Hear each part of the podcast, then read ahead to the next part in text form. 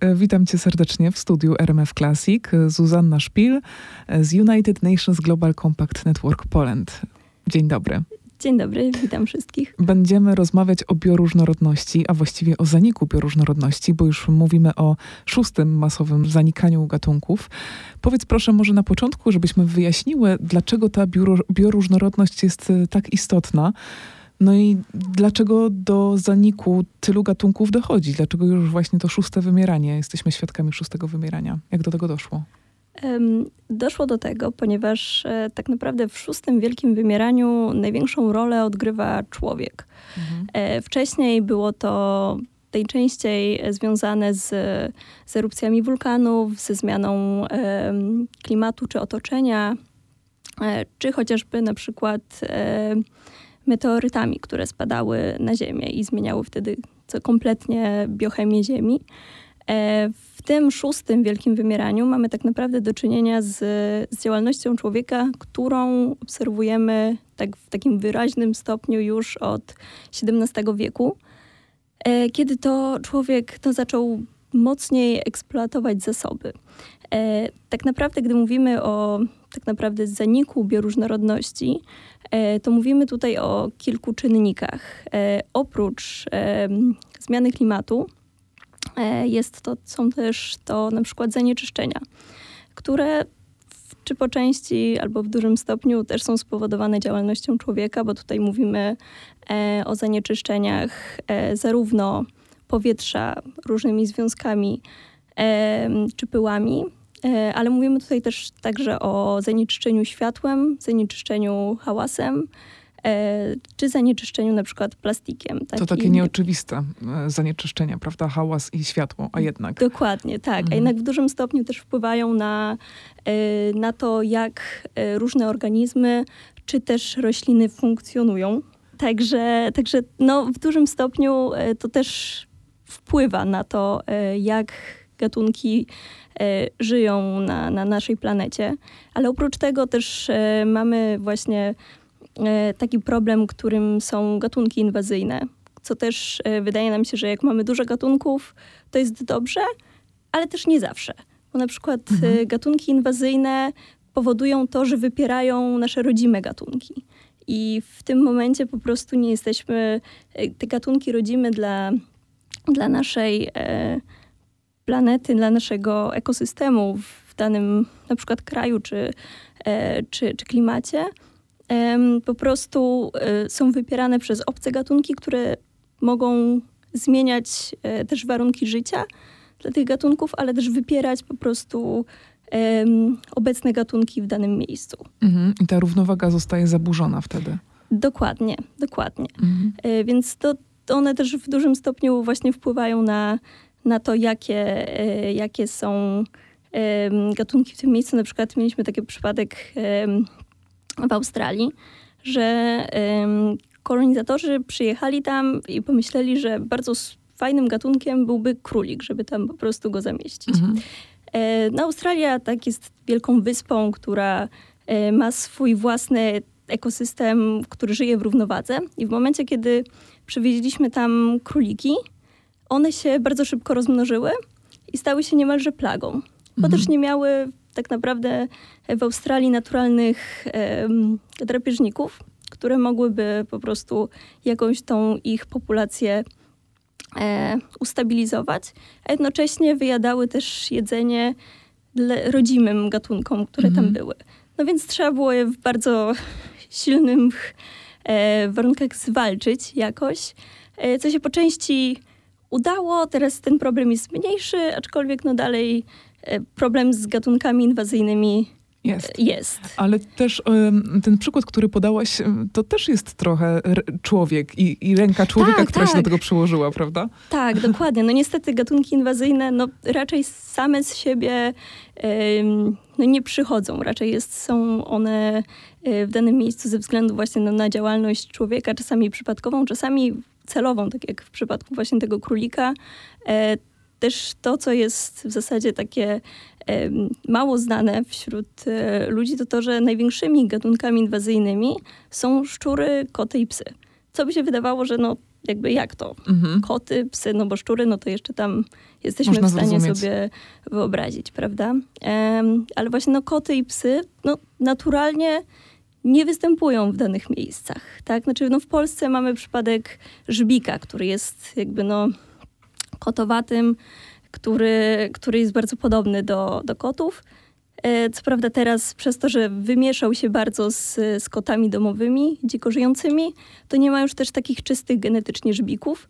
Mhm. E, więc no, to też jest taki gatunek, który niejako no, trochę wymarł. Tak? No, nie jesteśmy w stanie znaleźć przypadku, e, który by no, był czysty genetycznie. Mhm. Czyli to też jest jakiś potencjalny problem, że te gatunki mieszają się między sobą i właśnie tych takich czystych, o których mówisz, jest coraz mniej. Tak, tak. No w przypadku żbika y, tak jest.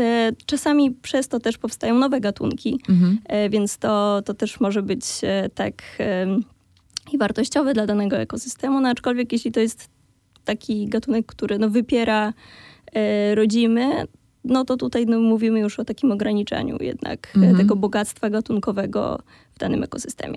Czyli zmiany klimatu, zanieczyszczenie, gatunki inwazyjne. Co jeszcze możemy dodać do tej listy? Tak, no na pewno możemy dodać do tej listy jeszcze nadmierną konsumpcję. I tutaj mówię o na przykład przełowieniu, e, czy, e, czy wycinaniu lasów, czy e, też jeszcze na przykład no, nadmiernej eksploatacji łowienia na przykład, tak? Że mhm. po prostu no, zabijamy, zabijamy zwierzęta ze względu na ich, nie wiem, skóry, mięso, e, czy tutaj, czy na przykład jakieś właściwości, które uznajemy za wyjątkowo wartościowe dla medycyny. Mhm. To, czyli to takie niezrównoważone rybołówstwo, to, to e, jest y też jakiś powód. Tak, tak, mhm. dokładnie. No to przez to, że no, tak naprawdę no, ciężko jest, e, w sensie, e, rybacy nie do końca nie do końca jakby łowią zgodnie z kwotami połowy, połowowymi. No przez to też nadmiernie eksploatują dane łowiska ryb, ale też na przykład przy połowie krewetek bardzo dużo E, innych gatunków jest e, łapanych w sieci, mhm. czy całe dno morskie jest niemalże po prostu zdzierane i wszystko to, co było na dnie morskim, no już po prostu nie istnieje i jest niemalże no, jałowe. E, więc no, to jest też duży ten przyłów, tak? czyli te też zwierzęta, organizmy czy rośliny, które łapią się też w sieci, to jest też bardzo duży problem, jeśli chodzi, jeśli mówimy też mhm. o o, o łowienie ryb, y, czy, czy tą eksploatację tych ekosystemów morskich. A powiedz proszę, jesteśmy całkiem świeżo po wakacjach. Wielu z nas y, podróżowało w dalekie kraje, ale nie tylko. No i zdarza nam się przywozić różnego rodzaju pamiątki, które są zrobione z materiałów no niewiadomego pochodzenia, często właśnie zwierzęcego. Czy ten nielegalny handel y, takimi odzwierzęcymi materiałami, to jest złe słowo, ale oczywiście chodzi mi o, o kości, o kły, czy to też y, przyczynia się do zaniku bioróżnorodności? E, tak, tak, jak najbardziej, bo no, prawda jest taka, że mamy tak naprawdę konwencję waszyngtońską, w skrócie to się nazywa konwencja CITES, która funkcjonuje od 1975 roku i właśnie to jest konwencja, która ma przeciwdziałać nielegalnemu handlowi zwierząt i roślin, w tym też, jakby no, tak jak powiedziałaś, materiałów, które pochodzą z tych, e, z tych zwierząt bądź roślin, czyli tutaj skóry, mięso, czy nawet kości. Mhm. I no, takim największym, że tak powiem, grzechem e, turystycznym, no to są rzeczy zrobione z koralowców. Mhm. Obecnie wiemy, że tak naprawdę 50% e, koralowców jest obumarłych. I to się dzieje ze względu na różne przyczyny, aczkolwiek no, tak, taka niezrównoważona turystyka i przywożenie e, pamiątek zrobionych, czy, czy nawet po prostu e, przywożenie jakichś ususzonych takich koralowców wyschniętych, e, to to przyczynia się do tego, że po prostu te ekosystemy no, wygina, giną mhm. E, w skrócie. Ale tutaj też e, no, mówimy na przykład o kościach słoni, e, których populacja jest naprawdę bardzo zagrożona, bo szacuje się, że rocznie ginie około 12 tysięcy słoni afrykańskich, właśnie przez to, że no, że są zabijane albo na kość słoniową, albo e, no głównie przez to, e, tak, głównie przez tą kość słoniową. Co ciekawe, nawet już niektóre które osobniki rodzą się bez e, kłów. Mhm. Ponieważ po prostu już jakby no, może trochę za dużo powiedziane, że ewolucja do tego doprowadziła, aczkolwiek na jakieś zaczątki tego są, że po prostu przez to, że kłusownicy zabijają słonie głównie przez te kły i potrafią nawet po prostu odciąć kły i zostawić zwierzę, żeby no, tak naprawdę kanało dalej. No to już niektóre osobniki rodzą się właśnie bez tych kłów, co jest, trochę pokazuje, że ta presja ludzka wpływa też na to, jak dane osobniki no, próbują sobie radzić z nią, tak? Mhm, przerażająca Więc... ta informacja. No niestety, no jest takich tak naprawdę gatunków bardzo dużo i, i no, działalność ludzka tutaj taka zachłanność na, na to, żeby zdobyć pewien zasób, no jest bardzo duża. Mhm. A ta działalność ludzka, mm, jeśli chodzi o nasze osiedlanie się, rozwój miast, czy to też powoduje, że zabieramy tereny zielone zwierzętom? Tak, tak. No to jest właśnie kolejny jakby element, y, który wpływa na to i to też w bardzo dużym stopniu, bo to jest zmiana użytkowania gruntów po prostu. Mhm. Czyli no, ta urbanizacja, która postępuje z roku na rok i też według szacunków e, ONZ-owskich no, na razie około 50% e, mieszkańców Ziemi żyje w, e, w, no, w miastach, w zurbanizowanych miejscach, no to to ma wzrosnąć do 70% już w 2050 roku. Więc jakby widać, że przez cały czas ta urbanizacja idzie do przodu.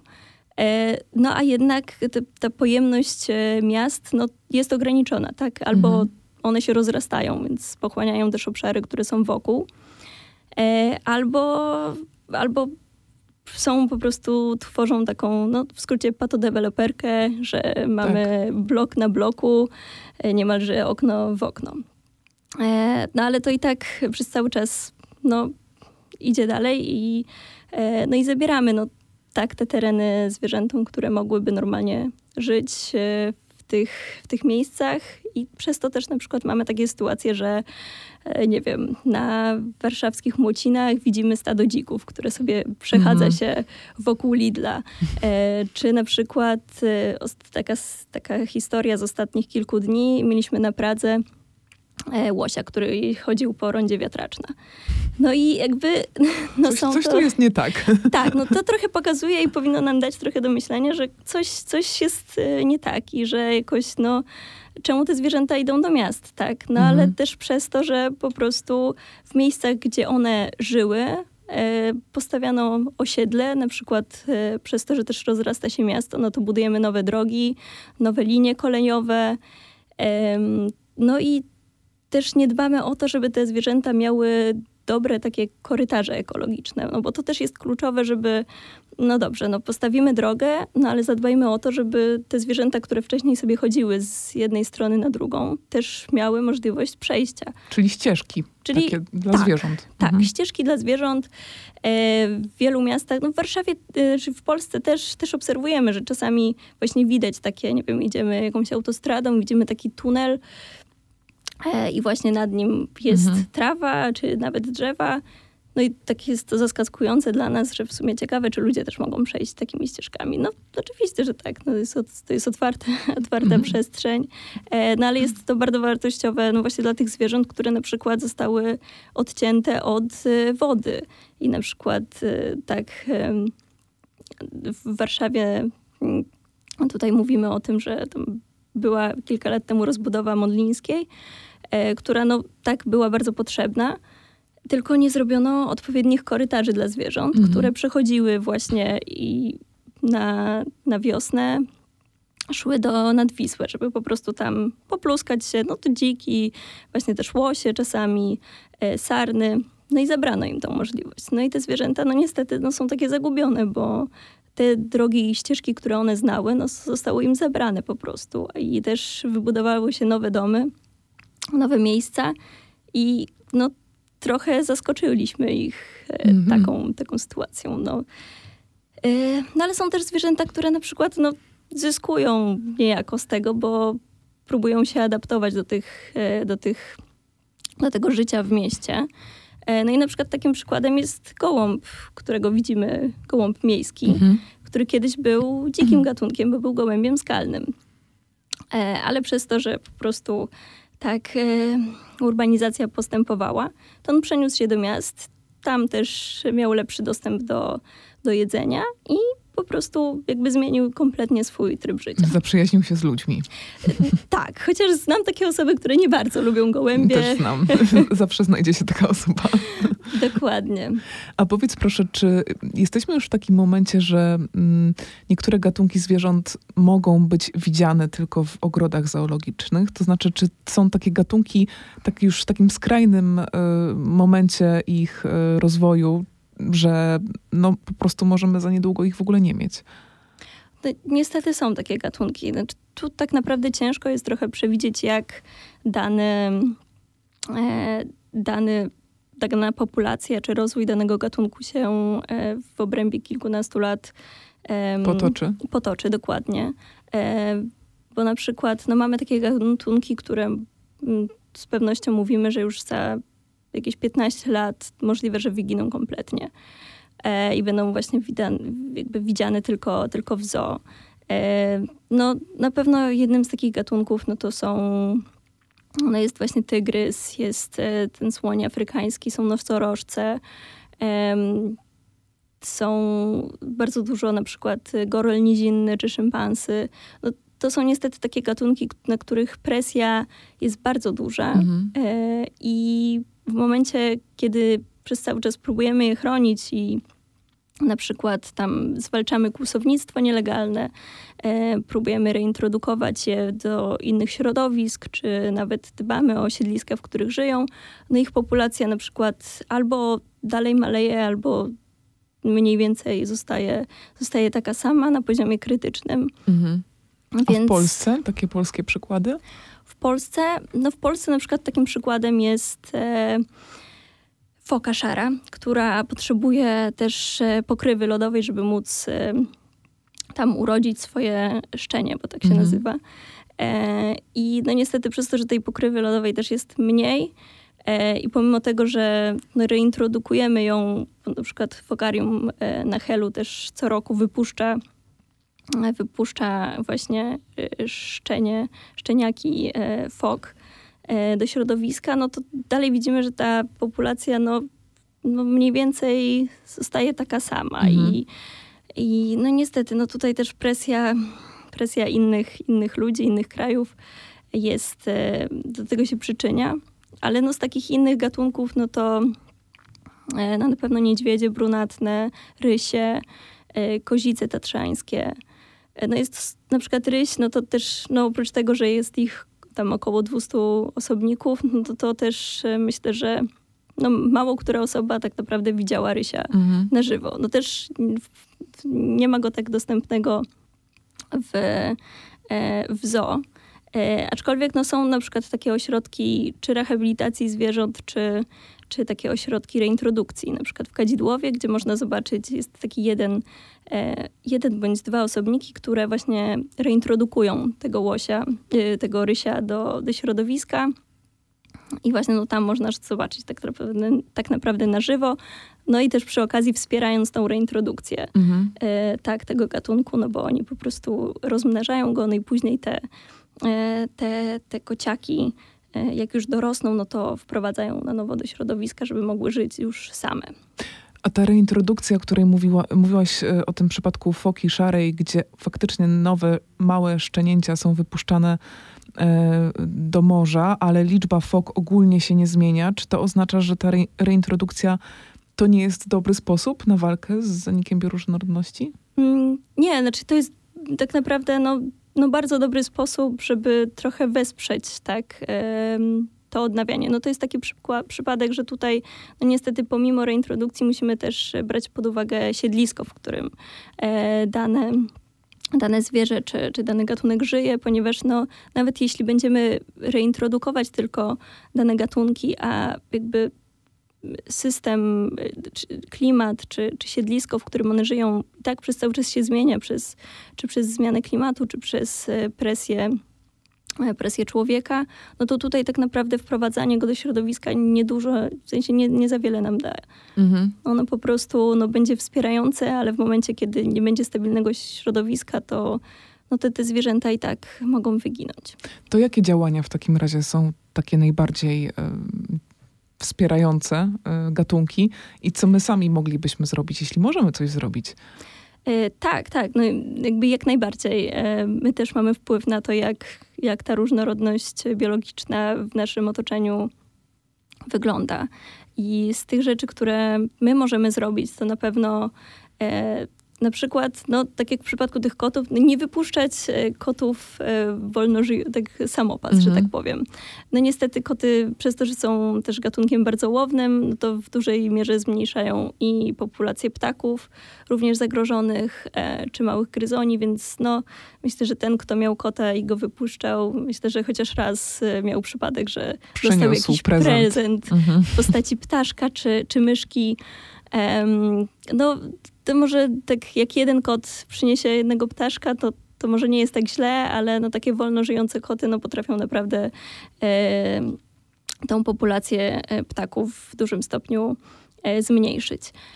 E, jeśli jak jesteśmy przy, przy okazji ptaków, no to też e, to, co możemy zrobić, no to na przykład nakleić na okna takie specjalne kropki, e, mhm. bo też te osoby, które mieszkają pewnie w takich e, miejscach, czy w lesie, czy, czy na przykład mm, gdzie, gdzie po prostu środowisko odbija się od szyb, e, to pewnie miały przypadek, że po prostu ptaki obijały się o szyby.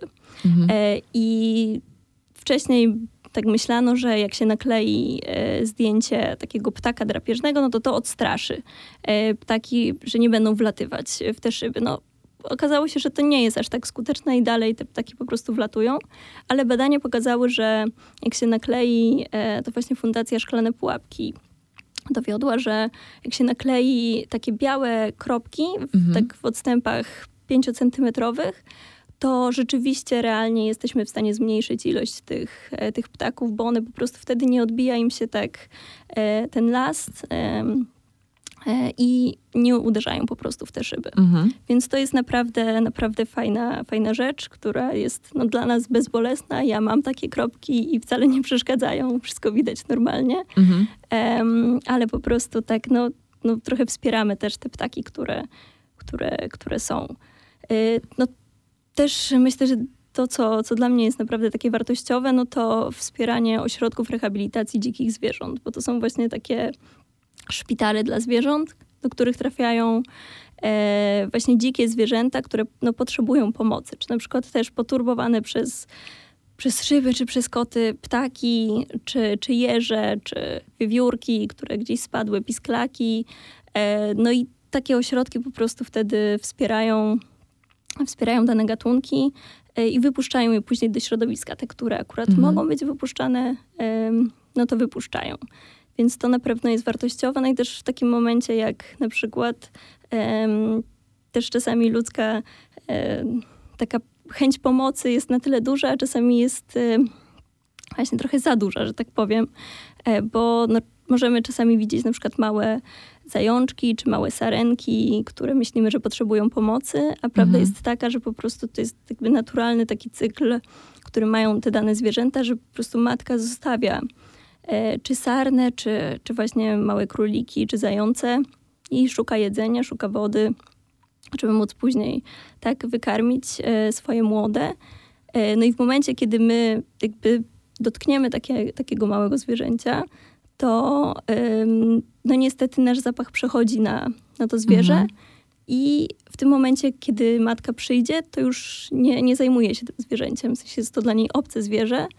E, no i takie zwierzęta, jak są zaopiekowane przez, przez ośrodki takie rehabilitacji, to przeżyją. Jak są zaopiekowane przez, e, przez takie e, domowe warunki wśród ludzi, często nie przeżywają, bo też jakby no bardzo jest skomplikowany ten cykl taki, czy karmienia królika, więc tutaj no to jest takie, że, że jakby tak bardzo chcemy pomóc, że, mhm. że czasami możemy zaszkodzić.